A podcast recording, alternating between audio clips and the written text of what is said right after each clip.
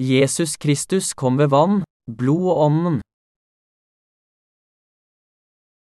1 Johannes 5 til 1 minus 12.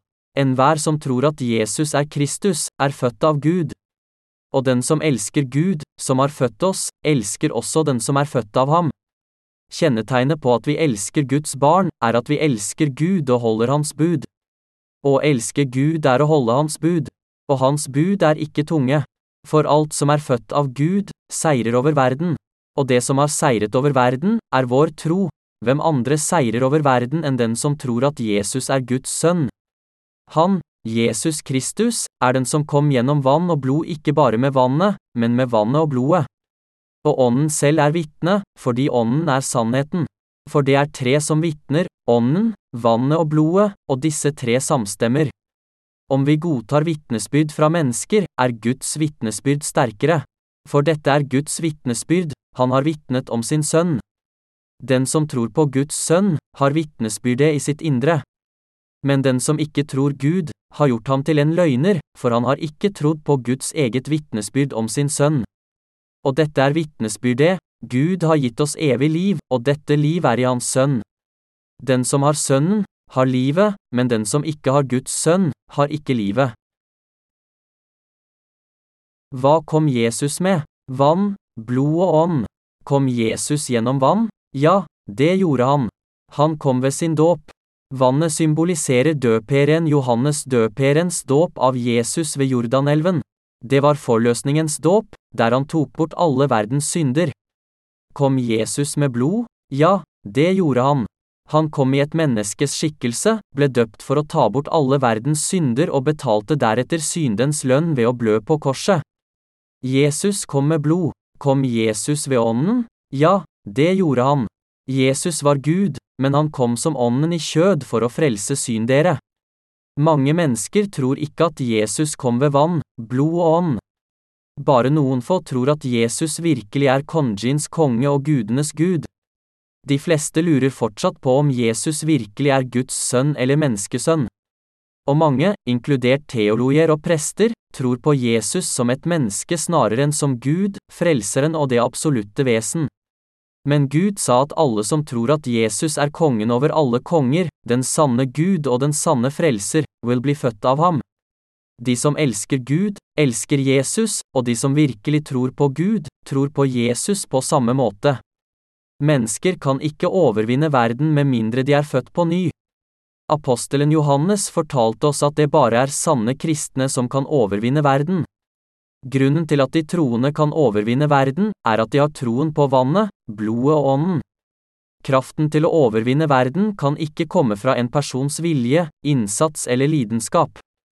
Om jeg taler med menneskers og engles tunger, men ikke har kjærlighet, da er jeg bare drønnende malm eller en klingende bjelle. Om jeg har profetisk gave, kjenner alle hemmeligheter og eier all kunnskap, om jeg har all tro så jeg kan flytte fjell, men ikke har kjærlighet, da er jeg intet. Om jeg gir alt jeg eier til brød for de fattige, ja, om jeg gir meg selv til å brennes, men ikke har kjærlighet, da har jeg ingenting vunnet. 1. Korinterbrev 13-1-3 Kjærligheten, som det refereres til her, betyr at Jesus kom ved vann, blod og ånd. I Bibelen brukes ordet kjærlighet alltid om ville elske sannheten, 2 Tesaloniker 10 over 2. Guds kjærlighet ble faktisk manifestert gjennom hans enbårne sønn, 1 Jo 4-9. Bare den som tror på vannet og blodet, kan seire over verden. Hvem kan overvinne verden? De som tror på forløsningen i Jesu dåp, hans blod og ånd. I 1 Johannes 5-5-6 står det, hvem andre seirer over verden enn den som tror at Jesus er Guds sønn? Han, Jesus Kristus, er den som kom gjennom vann og blod. Kjære kristne, den som overvant Satan og verden, var Jesus Kristus. De som tror på Jesu ord av vann, blod og ånd, kan også overvinne verden. Hvordan overvant Jesus verden? Gjennom forløsningen av vannet, blodet og ånden. I Bibelen refererer vann til Jesu dåp, 1 Peter 3,21. Jesus kom til denne verden i kjøddets skikkelse. Han kom for å frelse verdens syndere, han ble døpt for å ta bort alle synderes synder og døde på korset for å sone disse syndene. Blodet på korset viser til det faktum at han kom til denne verden i et menneskes skikkelse. Han kom i syndig kjøtts skikkelse for å frelse syndere og ble døpt med vann. Derfor kom Jesus til oss med både vann og blod. Han tok med andre ord bort alle verdens synder både med vannet fra dåpen og blodet fra sin død. Hvordan hersket Satan over verden? Satan fikk menneskene til å tvile på Guds ord og plantet ulydighetens frø i hjertene deres. Satan forsøker å gjøre menneskene til sine tjenere ved å forlede dem til å være ulydige mot Guds ord. Men Jesus kom til verden og utslettet alle deres synder med dåpsvannet og blodet på korset, han overvant Satan og utslettet alle verdens synder. Dette skjedde fordi Jesus Kristus var syndernes frelser. Han ble vår frelser fordi han kom med vann og blod. Jesus tok bort alle verdens synder med forløsningsdåpen sin. Hva betyr det at Jesus har overvunnet verden? Det betyr at han tok bort alle verdens synder. Siden Jesus ble døpt for å ta bort alle verdens synder og døde for å sone dem, var han i stand til å frelse oss fra alle synder. Fordi Jesus ble døpt i Jordanelven av døperen Johannes, representanten for alle mennesker, ble alle verdens synder overført på ham. Jesus ga sitt liv på korset for syndens lønn. Han overvant Satans makt med sin død og oppstandelse. Jesus betalte lønnen for alle våre synder med sin død. Jesus kom til syn dere ved vannet i dåpen og blodet på korset.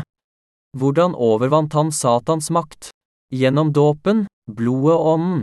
Apostelen Johannes sa at forløsningen ikke bare er av vann, men både av vann og blod. Ettersom Jesus hadde tatt bort alle synder og fjernet våre synder for alltid, ville alle syndere bli frelst fra synden ved å tro på ham og være trofaste mot hans ord. Da Jesus kom til verden, tok han ikke bare bort syndene våre, men han betalte også for dem ved å blø i hjel på korset. Han tok bort alle våre synder da han ble døpt i Jordanelven, og betalte lønnen for disse syndene på korset. Han betalte for våre synder med sin død. Guds rettferdige lov, som sier at syndens lønn er døden, Romerne 6,23, ble oppfylt. Hva mente Jesus med å overvinne verden? Troen som overvinner verden, er troen på forløsningens evangelium, som Jesus skjenket oss med vann og blod. Han kom i kjøddets skikkelse og vitnet om frelsen med sin vanndåp og sin død på korset. Jesus overvant verden, nærmere bestemt Satan. Disiplene i urmenigheten sto fast, selv i møte med martyrdøden, uten å underkaste seg Romerriket eller noen av denne verdens fristelser. Alt dette var et resultat av deres tro på at Jesus kom ved vann, han ble døpt for å ta bort alle våre synder, og ved sitt blod på korset, han betalte lønnen for alle våre synder med sin død. Jesus kom ved ånden, han kom i menneskets kjød, og han tok bort syn deres synder med sin dåp og sitt blod på korset, slik at alle vi som skal forløses, kan overvinne verden. Det finnes også en antitypen som nå frelser oss, nemlig dåpen, gjennom Jesu Kristi oppstandelse mindre enn 1 Peter 3,21 større enn. Hva er frelsens antitypen? Jesu dåp. I 1 Peter 3,21 står det, dette er et bilde på dåpen, som nå frelser også dere. Dåpen er ikke å vaske kroppen ren for sitt, men en bønn til Gud om en god samvittighet, i kraft av Jesu Kristi oppstandelse, Apostelen Peter vitnet om at Jesus var frelseren og at han kom ved dåpens vann og blod. Derfor bør vi tro på Jesus, som kom med vann og blod. Og vi bør vite at vannet i Jesu dåp er motbildet på vår frelse. Apostelen Peter fortalte oss at dåpens, vann, blodet og ånden er de absolutte faktorene, de frelsen. Ingen av hans disipler har noensinne trodd på blodet på korset uten Jesu dåp. Å tro bare på blod er å ha bare halvparten av den sanne troen. Tro basert på en halv eller ufullstendig sannhet blekner med tiden, men troen til dem som tror på evangeliet om vannet, blodet og ånden, vil vokse seg sterkere med tiden. Rødstenet fra evangeliet om bare blod blir imidlertid sterkere og sterkere i verden i disse dager. Hvorfor er det slik? Folk kjenner ikke sannhetens ord, forløsningen av vann og ånd, så de kan ikke bli født på ny. På et tidspunkt hadde Vestens kirker blitt ofre for overtro. En stund så det ut til å gå bra, men Satans tjenere bidro til å forvandle troen til overtro. Overtro er å tro at djevelen vil flykte hvis man tegner et kors på et stykke papir eller lager det av tre, og at Satan vil bli drevet bort hvis man bekjenner troen på Jesu blod. Gjennom disse og andre overtroaske forestillinger lurte Satan folk til å tro at de bare trengte å tro på Jesu blod. Satan later som om han er redd for blodet og sier at alt Jesus gjorde for syn dere, var hans blodsutgaitelse på korset men Peter og alle de andre disiplene vitnet om det sanne evangeliet om Jesu dåp og blodet på korset. Men hva vitner de kristne om i dag? De vitner bare om Jesu blod. Vi skal tro på det som står skrevet i Bibelen og tro på Åndens frelse, på Jesu dåp og på Hans blod. Hvis vi ignorerer Jesu dåp og bare vitner om at Jesus døde for oss på korset, kan ikke vår frelse være fullstendig. Vitnesbyrdets ord, om Guds frelse i vannet. Hva er beviset på at Gud har frelst oss? Vannet, blodet og ånden. I 1. Johannes 5-8 sier Herren, for det er tre som vitner, det første er ånden, det andre er vannet i Jesu dåp, og det tredje er hans blod på korset. Alle disse tre tingene er ett. Jesus kom til verden for å frelse oss alle fra disse syndene. Han alene gjorde dette med alle tre, dåpen, blodet og ånden. For det er tre som vitner, det er tre ting som beviser at Gud har frelst oss. Disse tre bevisene er vannet i Jesu dåp, hans blod og ånden. Disse tre tingene er det Jesus gjorde for oss i denne verden. Hvis en av disse tre tingene ble utelatt, ville frelsen ikke være fullstendig. Det er tre ting som vitner på jorden, ånden, vannet og blodet. Jesus Kristus, som kom til oss i kjød, er Gud, ånden og sønnen. Han kom ned til denne verden som ånden i menneskets kjød og ble døpt i vannet for å ta bort alle verdens synder. Og han tok alle synder på seg og frelste oss syndere ved å blø i hjel på korset. Han betalte for alle synder i sin helhet. Det er evangeliet om fullstendig forløsning ved vannet, blodet og ånden. Selv om bare en av disse ble utelatt, ville det være å avvise Guds frelse som har frelst oss fra alle synder. Hvis vi skulle være enige med de fleste troende i dag, måtte vi si at det er to som vitner på jorden, blodet og ånden. Men apostelen Johannes sa at det var tre ting som vitnet, vannet i Jesu dåp, blodet på korset og ånden. Apostelen Johannes var svært tydelig i sitt vitnesbyrd. Troen som forløser en synder, er troen på ånden, vannet og blodet. Hva slags tro er det som gjør mennesket i stand til å overvinne verden? Og hvor finner vi en slik tro? Den finnes her i Bibelen. Det er å tro på Jesus som kom med vann, blod og ånd. Tro på dem og motta frelse og evig liv. Er Guds frelse fullkommen uten Jesu dåp? Nei, nei, det er den ikke. For lenge siden, før jeg ble født på ny, var også jeg en kristen som bare trodde på blodet på korset og på ånden. Jeg trodde at han kom ned som ånden og døde for meg på korset og frelste meg fra alle synder. Jeg trodde bare på disse to tingene og var overmodig nok til å forkynne dem for alle mennesker. Jeg hadde planlagt å studere teologi for å bli misjonær og arbeide og dø for alle fortapte sjeler slik Jesus hadde gjort. Jeg hadde planlagt alle mulige store ting, men så lenge jeg bare trodde på to ting, var det alltid synd igjen i hjertet mitt. Derfor kunne jeg ikke overvinne verden. Jeg kunne ikke bli fri fra synden. Da jeg bare trodde på blodet og ånden, hadde jeg fortsatt synd i hjertet. Grunnen til at jeg fortsatt hadde synd i hjertet selv om jeg trodde på Jesus, var at jeg ikke kjente til vannet, Jesu dåp. Min utfrielse var ikke fullstendig før jeg ble frelst ved min fullstendige tro på dåpens vann, blodet og ånden.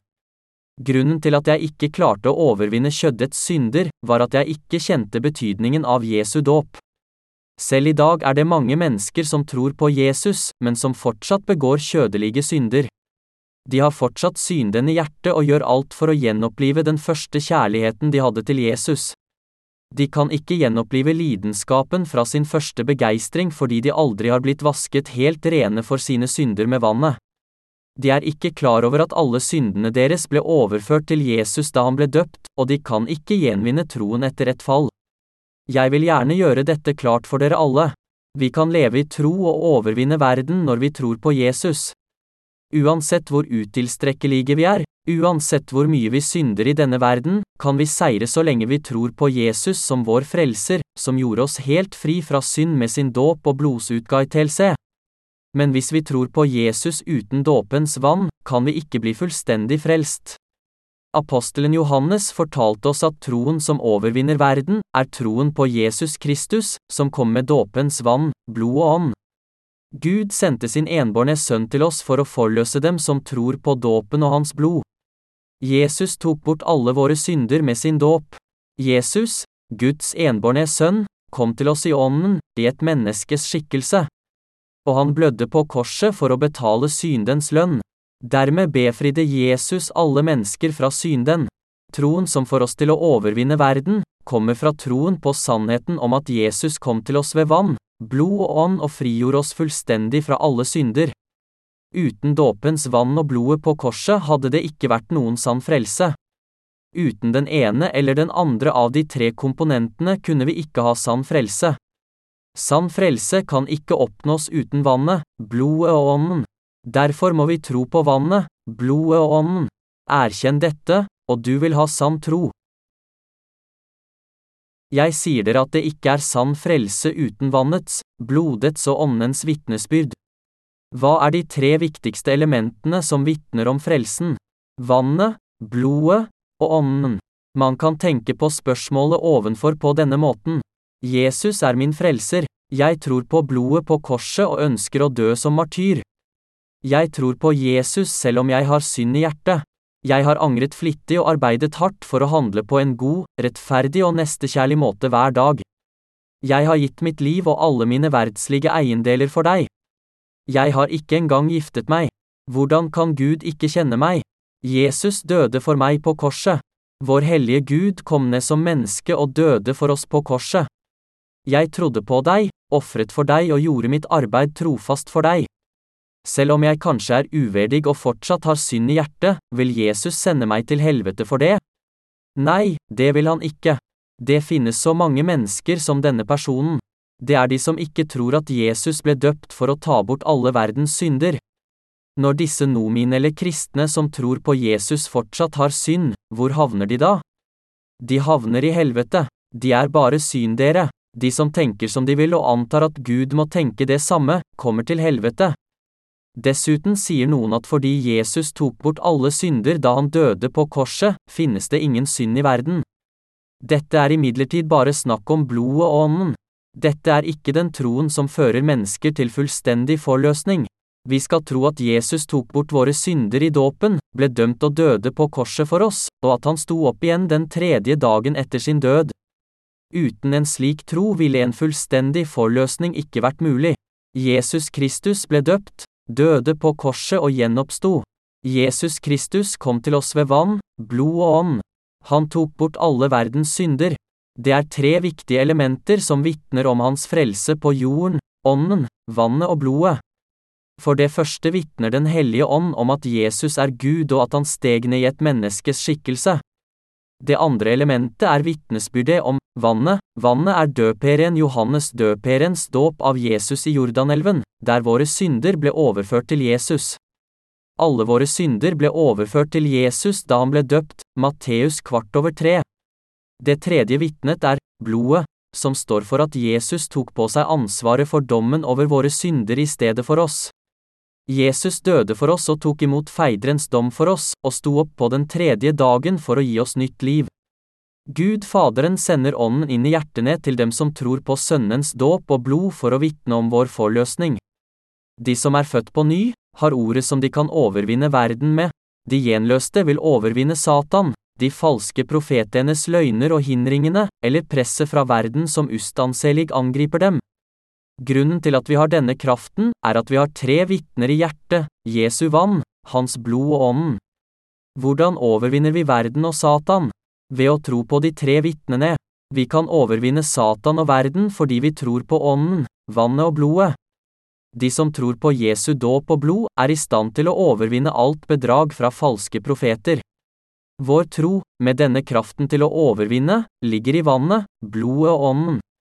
Tror du på dette? Du kan verken bli født på ny eller overvinne verden hvis du ikke har troen på forløsningen gjennom dåpen til Jesus, hans blod og troen på at Jesus er Guds sønn og vår frelser. Har du en slik tro i ditt hjerte? Har du ånden og vannet i hjertet ditt? Tror du at alle dine synder ble overført til Jesus? Har du korsets blod i hjertet ditt? Du vil seire over verden hvis du har troen på Jesu vann og blod i hjertet ditt, og hvis du tror at Jesus døde på korset for deg og at han tok dommen for deg. Apostelen Johannes overvant verden fordi han hadde alle disse tre viktige elementene i sitt hjerte. Han snakket også om forløsning til alle sine trosbrødre som opplevde hindringer og trusler i sitt arbeid. Han vitnet, slik kan også dere overvinne verden. Jesus kom med ånden, vannet og blodet. På samme måte som han overvant verden, vil også de troende kunne overvinne verden. Dette er den eneste måten de troende kan overvinne verden på. I 1 Johannes 5-8 står det ånden, vannet og blodet, og disse tre samstemmer. Mange snakker fortsatt bare om blod og ånden, men de utelater vannet i Jesu dåp. Hvis de tar ut vannet, er de fortsatt forført av Satan. De burde komme ut av sitt eget selvbedrag og omvende seg, de burde tro på vannet, i Jesu dåp, på å bli født på ny. Ingen kan overvinne verden uten å tro på Jesu vann og blod. Jeg gjentar, ingen, vi må kjempe med Jesu vann og blod som våre mektige våpen. Hans ord er åndens sverd, lyset. Det er fortsatt altfor mange som ikke tror på Jesu dåp som vasket bort alle deres synder. Det er fortsatt for mange som bare tror på to ting. Så når Jesus ber dem stå opp og skinne, kan de ikke skinne i det hele tatt. De har fortsatt synd i hjertet. Selv om de tror på Jesus, havner det likevel i helvete. Evangeliet om Jesu dåp og blod bør definitivt bevitnes, slik at folk kan høre, tro og bli frelst. Er troen på dåpen bare et slags dogme? Nei, det er ikke et dogme. Det er sannheten. Når vi vitner om evangeliet, må det være konkret.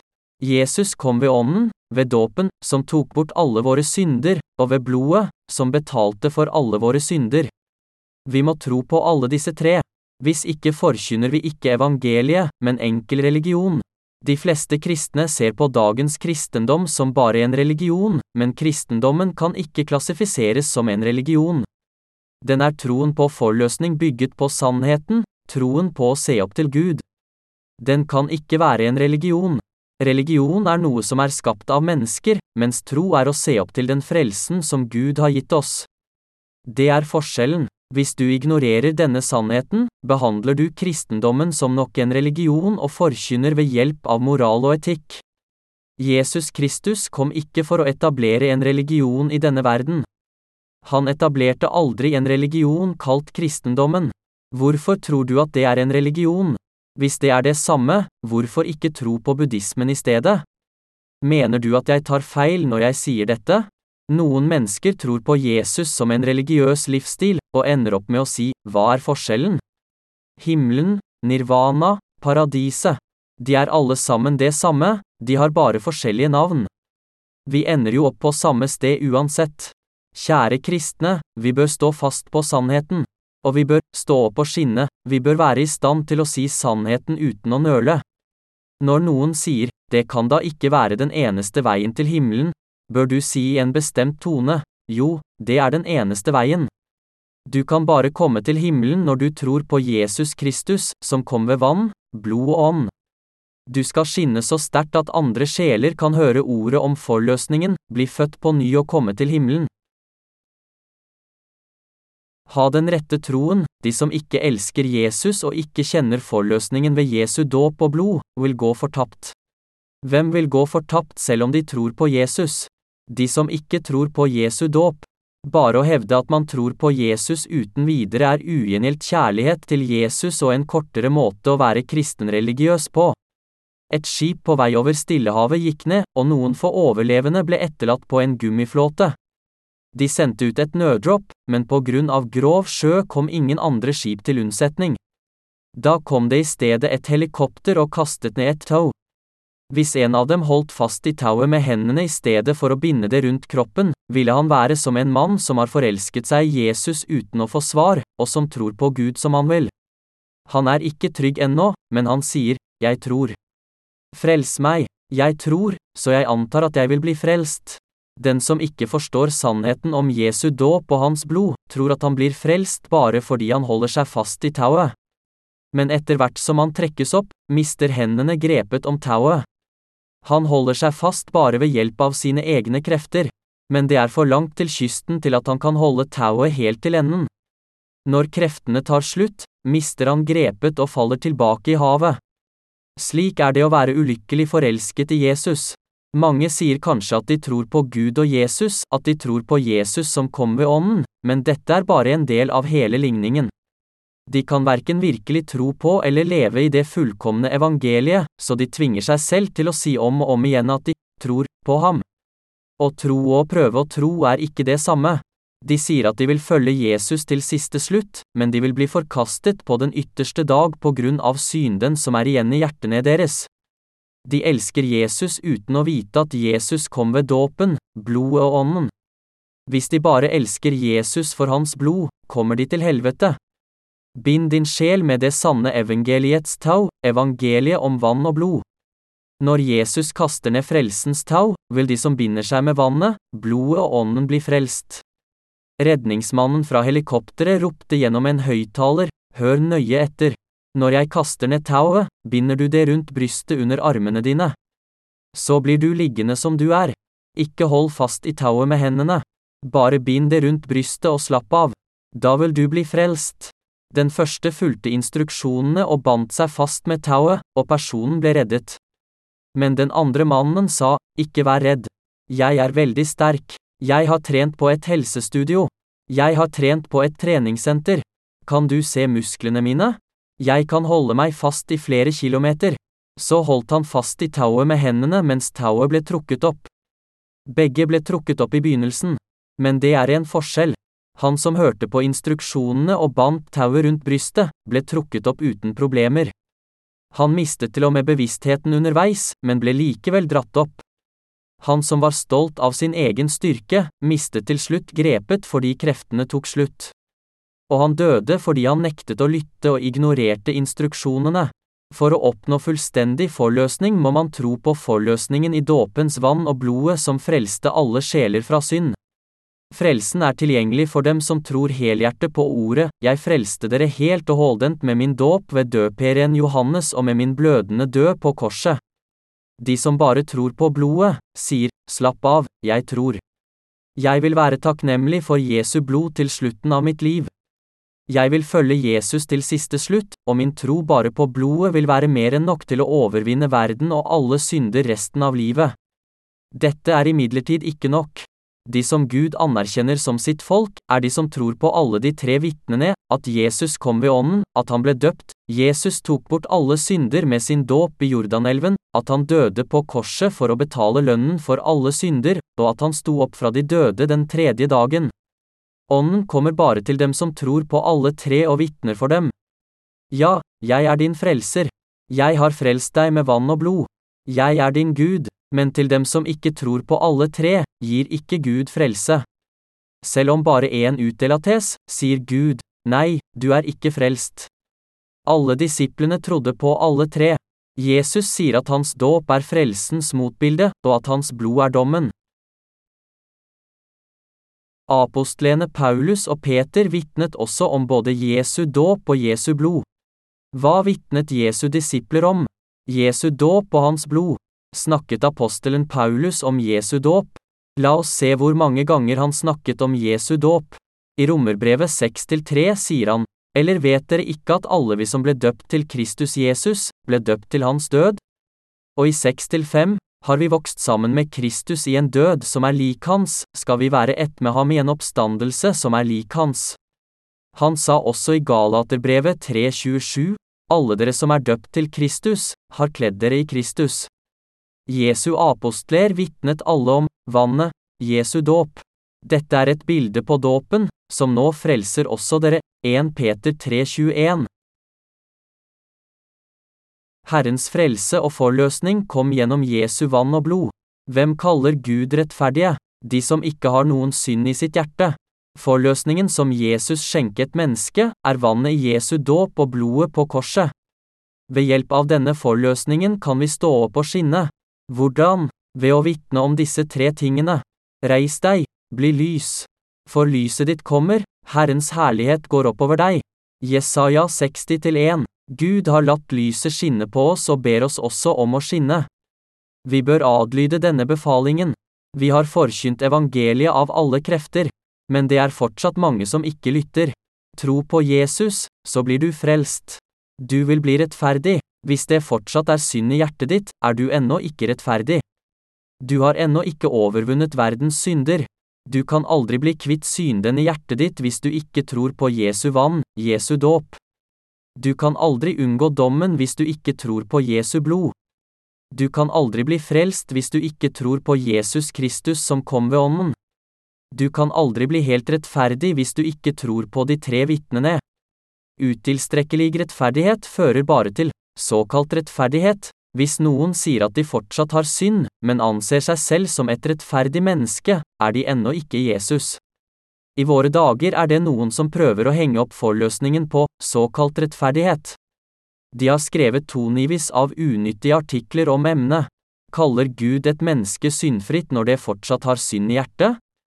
Det gjør han ikke, han kaller det slik han ser det. Han er allmektig, men han kan aldri lyve. Folk forstår ikke den sanne betydningen av rettferdighet. Vi kaller noe rent bare når det er rent. Vi sier ikke rettferdig når det er synd.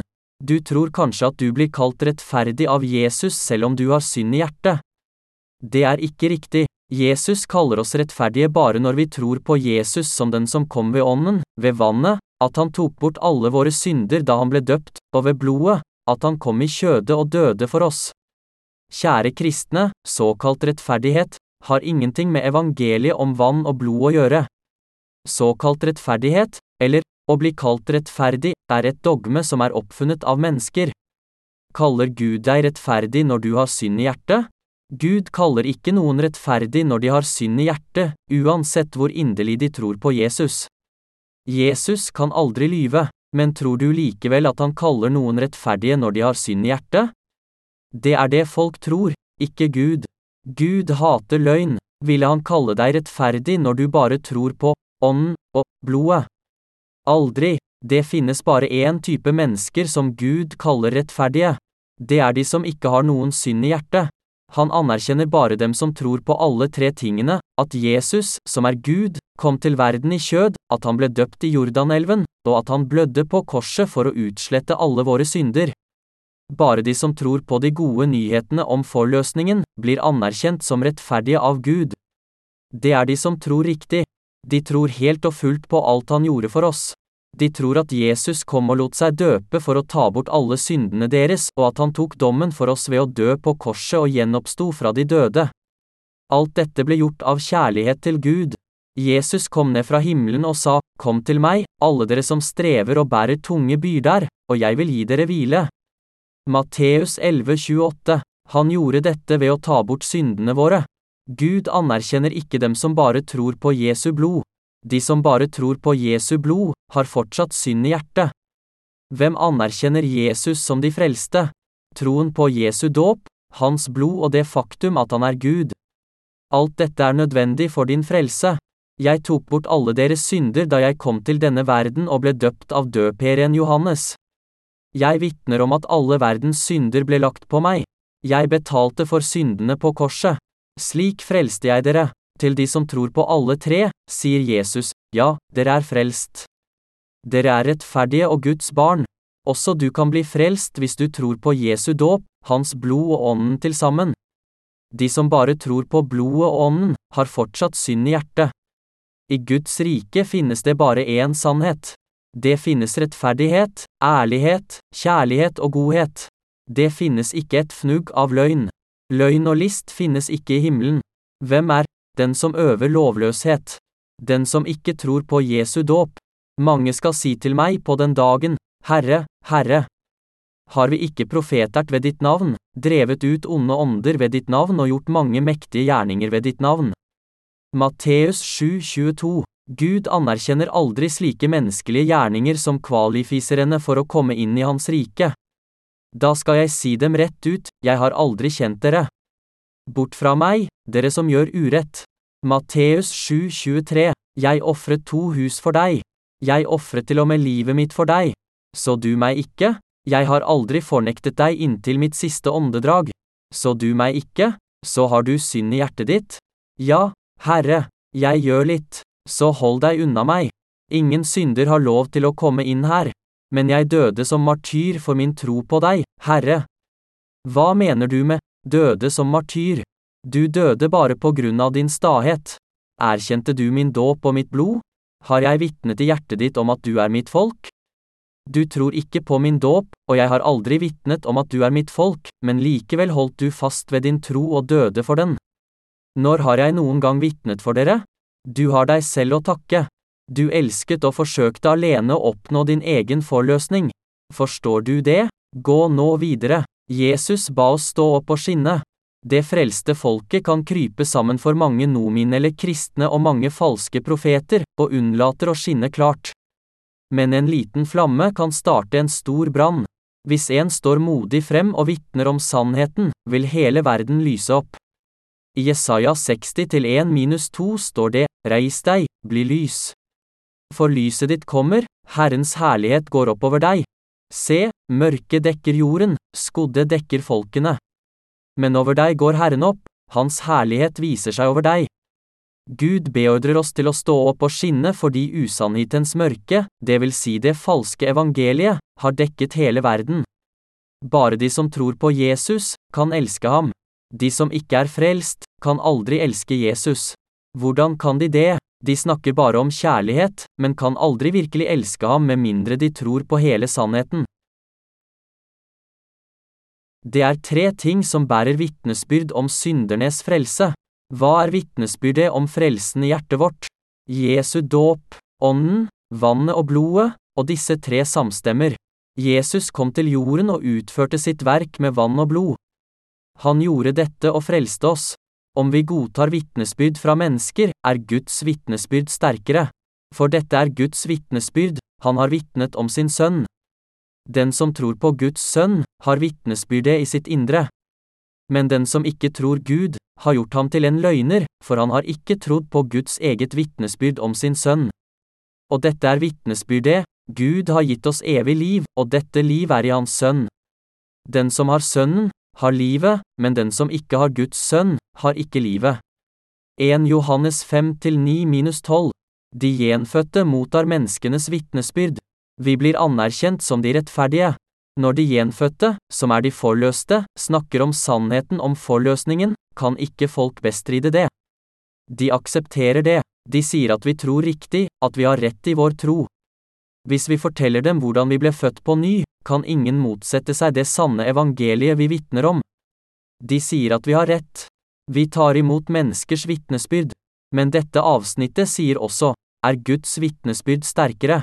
Det står at Guds vitnesbyrd er Sønnens vitnesbyrd. Stemmer det? Hva er Sønnens vitnesbyrd? Det som vitner om at Gud frelste oss, er at Jesus kom ved Ånden, han kom ved forløsningens vann, og han kom ved blodet på korset. Og Gud vitner om at dette er måten han frelste oss på, og at vi er hans folk fordi vi tror på det. Den som tror på Guds sønn, har vitnesbyrdet i sitt indre. Men den som ikke tror Gud, har gjort ham til en løgner, for han har ikke trodd på Guds eget vitnesbyrd om sin sønn. Dette avsnittet forteller oss nøyaktig hvem som er de frelste. Det står at den som tror på Guds sønn, har vitnesbyrdet i seg selv. Har du vitnesbyrdet i hjertet ditt? Det er i deg, og det er i meg. Gud kom til jorden for vår skyld. Han kom i kjød gjennom Marias kropp ved Den hellige ånd. Da han var 30 år gammel, ble han døpt for å ta alle våre synder på seg og med alle våre synder ble han dømt på korset. Han gjenoppsto den tredje dagen for å gi oss evig liv. Slik frelste Jesus oss. Hva ville ha skjedd hvis han ikke hadde gjenoppstått? Hvordan kunne han ha vitnet for oss i graven? Det er derfor han er vår frelser. Det er dette vi tror på. Og akkurat som han sa, frelste han oss med sin dåp og sitt blod. Og fordi vi tror, er du og jeg frelst. Vitnesbyrdet er i meg, og det er i deg. De frelste kan aldri ignorere vannet i hans dåp. Vi kan aldri utelate det han gjorde for å frelse oss. Dette må vi gjøre, Matteus kvart over tre. Vi fornekter aldri at Jesus tok bort alle våre synder da han ble døpt av døperen Johannes i Jordanelven. De frelste kan aldri fornekte vannet, Jesu dåp. De som tror, men ikke er frelst, fornekter Jesu dåp til det siste. Hvem gjør Gud til en løgner?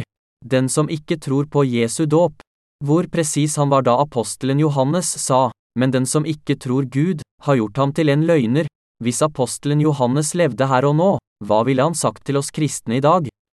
Han ville spurt om Jesus tok bort alle våre synder da han ble døpt.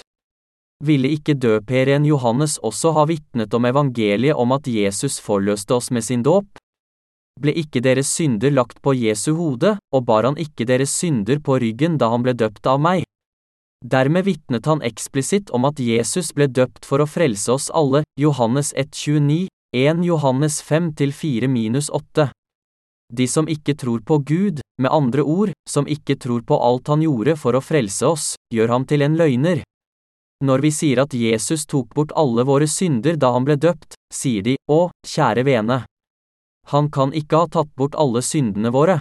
Han tok bare bort arvesynden, så alle våre daglige synder gjenstår fortsatt.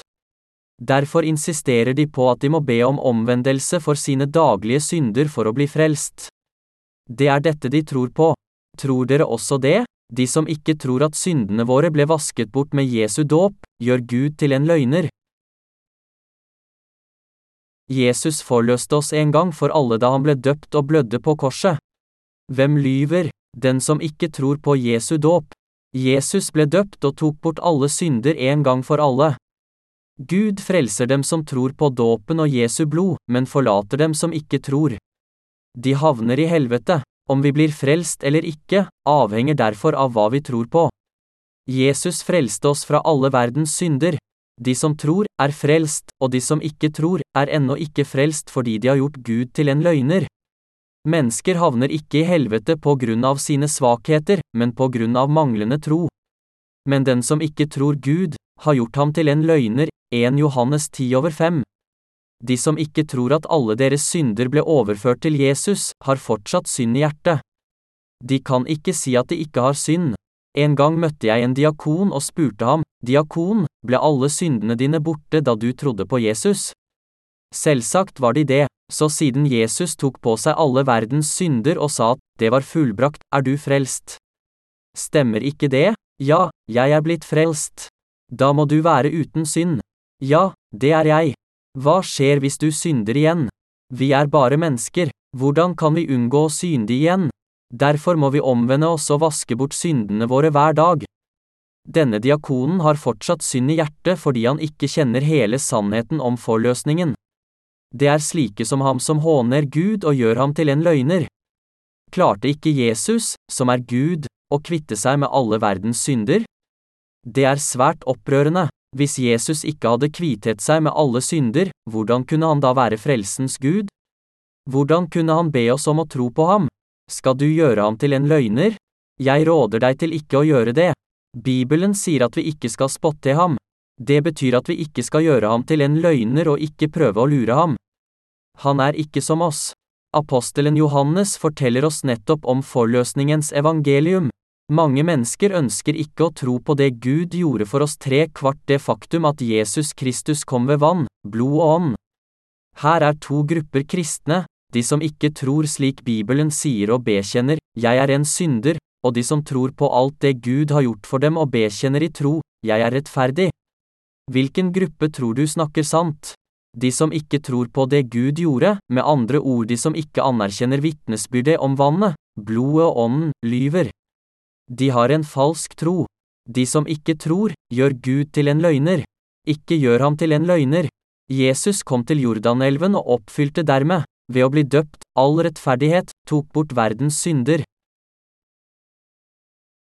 De vantro fornekter Jesu dåp og hans hellighet.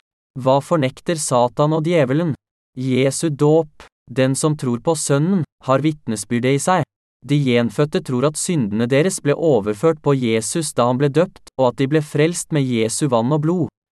De tror at Jesus ble født inn i denne verden gjennom jomfru Marias legeme, at han ble døpt i Jordanelven før han døde på korset, og at han gjenoppsto. De rettferdige har vitnesbyrdet i sine hjerter. Beviset på vår frelse ligger i vår tro på Jesus, som kom med vann, blod og ånd. Vitnesbyrdet er i deg. Jeg råder deg til å ha vitnesbyrdet i deg selv. Jeg sier til deg, det er ikke frelse hvis ikke vitnesbyrdet, beviset på frelsen, er i deg. Apostelen Johannes sa, den som tror på Guds sønn, har vitnesbyrdet i sitt indre. 1 Johannes 10 over 5. Er det å ha vitnesbyrdet bare å tro på blodet på korset? Eller å tro på vannet, men ikke på blodet? Du bør tro på alle tre for å bli anerkjent av Gud.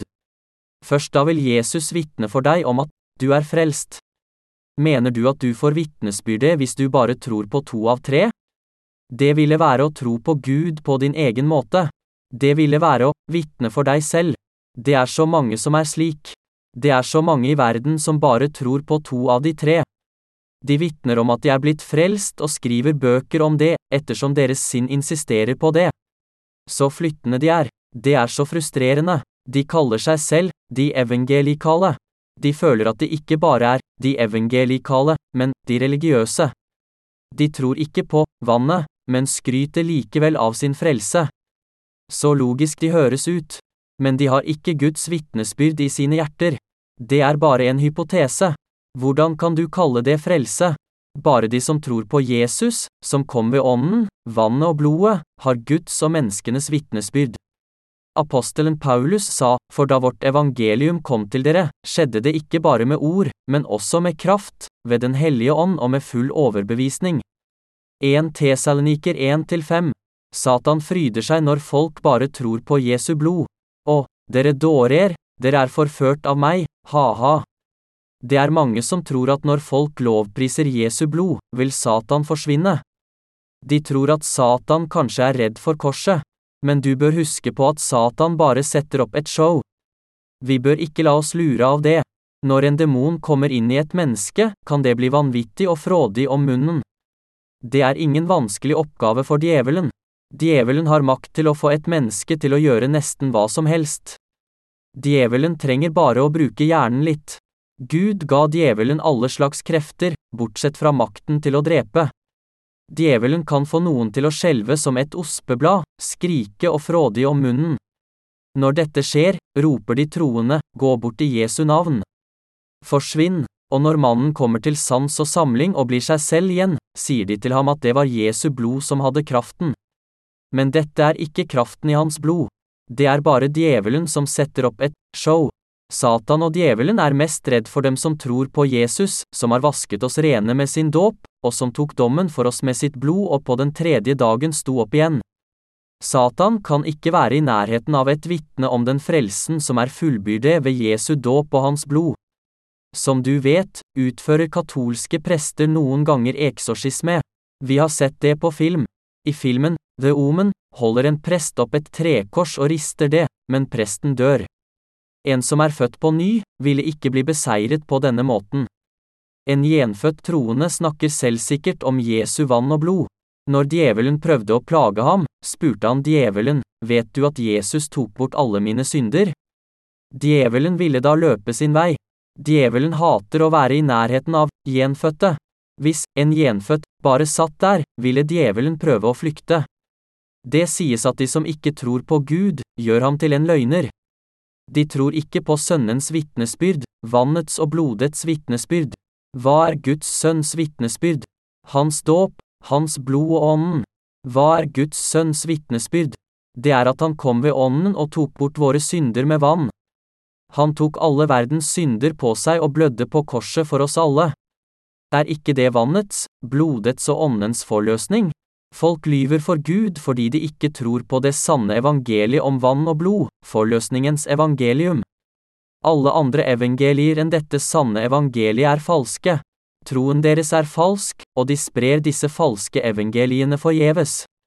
La oss gå tilbake til 1. Johannes 5. I det ellevte verset står det, og dette er vitnesbyrdet, Gud har gitt oss evig liv, og dette liv er i Hans Sønn. Det forteller oss at Gud har gitt oss evig liv, og at dette livet er i den som tar imot det. Også dette livet er i Hans Sønn. De som får evig liv, er de som blir forløst ved å tro på Jesu dåp og Hans blod. De gjenløste får evig liv og lever evig. Har du fått evig liv? I det tolvte verset står det, den som har Sønnen, har livet, men den som ikke har Guds sønn, har ikke livet. Med andre ord, den som tror på det Sønnen gjorde på jorden tre kvart hans dåp, hans død på korset og hans oppstandelse tre kvart har evig liv. Men den som utelater en av disse tingene, har ikke liv og blir heller ikke frelst. Apostelen Johannes skilte mellom Guds folk på grunnlag av deres tro på det Jesus gjorde, vannet, blodet og ånden. Disse tingene forteller oss om de har ordet i seg. Han identifiserer de frelste ut fra deres tro på vannet i Jesu dåp, blodet og ånden. De som ikke er født på ny, kan ikke skille en sau fra en geit. Hvem kan skille de gjenløste fra de ugjenløste? Den som er født på ny. Apostelen Johannes identifiserte tydelig de rettferdige som ble forløst. Apostelen Paulus gjorde det samme. Hvordan kan Guds tjenere skille skarpt mellom en sau og en geit? Hvordan kan de skille Guds sanne tjenere fra dem som later som? De som blir frelst ved å tro på Jesu vann og blod, får kraft til å se. Uansett om en mann er pastor, evangelist eller eldste, hvis han ikke kan identifisere de gjenløste, eller hvis han ikke kan skille mellom en sau og en geit, er han ikke født på ny ennå, og han har ikke livet i seg. Men de som virkelig er født på ny, kan tydelig se forskjellen. De som ikke har livet i seg, kan verken se forskjellen eller erkjenne den. Det er akkurat som at vi ikke kan skille farger i mørket. Grønt er grønt og hvitt er hvitt men hvis du lukker øynene, kan du verken se eller gjenkjenne farger. Men de som har øynene åpne, kan gjenkjenne selv den minste fargevariasjon. De kan se hva som er grønt og hva som er hvitt. På samme måte er det en åpenbar forskjell mellom de frelste og de som ikke er frelst. Vi må forkynne forløsningens evangelium, evangeliet om vannet, blodet og ånden. Vi må stå opp og skinne. Når vi samler mennesker rundt oss for å forkynne den sanne tro, taler vi ikke med menneskeord. I Bibelen forklarer 1. Johannes 5 hva det betyr. Vi bør forklare det trinn for trinn slik at det ikke oppstår forvirring. Ordet vi forkynner, det vil si ordet om Jesu vann, blod og ånd, er forløsningens lys. Å gjøre Jesu vann kjent for mennesker er å skinne sterkt. Å gjøre Jesu blod kjent er å skinne sterkt. Vi må gjøre det veldig tydelig, slik at det ikke finnes noen på jorden som ikke kjenner denne sannheten. Hvis de gjenfødte ikke står opp og skinner, vil mange mennesker dø uten forløsning, og Gud vil ikke være fornøyd. Han vil kalle oss late tjenere. Vi er nødt til å spre evangeliet om Jesu vann og blod. Grunnen til at jeg gjentar meg selv så mange ganger, er at Jesu dåp er svært viktig for at vi skal bli frelst. Når vi snakker med barn, må vi forklare ting om og om igjen og gå gjennom hvert eneste punkt slik at vi er sikre på at de forstår. Hvis vi skulle forsøke å lære en analfabet å lese og skrive, ville vi sannsynligvis begynt med alfabetet. Deretter kunne vi gradvis lære ham å skrive ord med dette alfabetet. Når han kunne sette sammen ord som for eksempel straff, ville vi begynne å forklare betydningen av disse ordene. Det er akkurat slik vi bør snakke med folk om Jesus for å forsikre oss om at de virkelig forstår. Vi bør tydelig forklare Jesu dåp. Han kom til verden ved vann, blod og ånd. Jeg ber om at du vil tro på Jesus som din frelser og bli forløst. Vannets og åndens forløsning springer ut av troen på Jesu dåp, hans blod på korset og troen på at Jesus er Gud, vår frelser.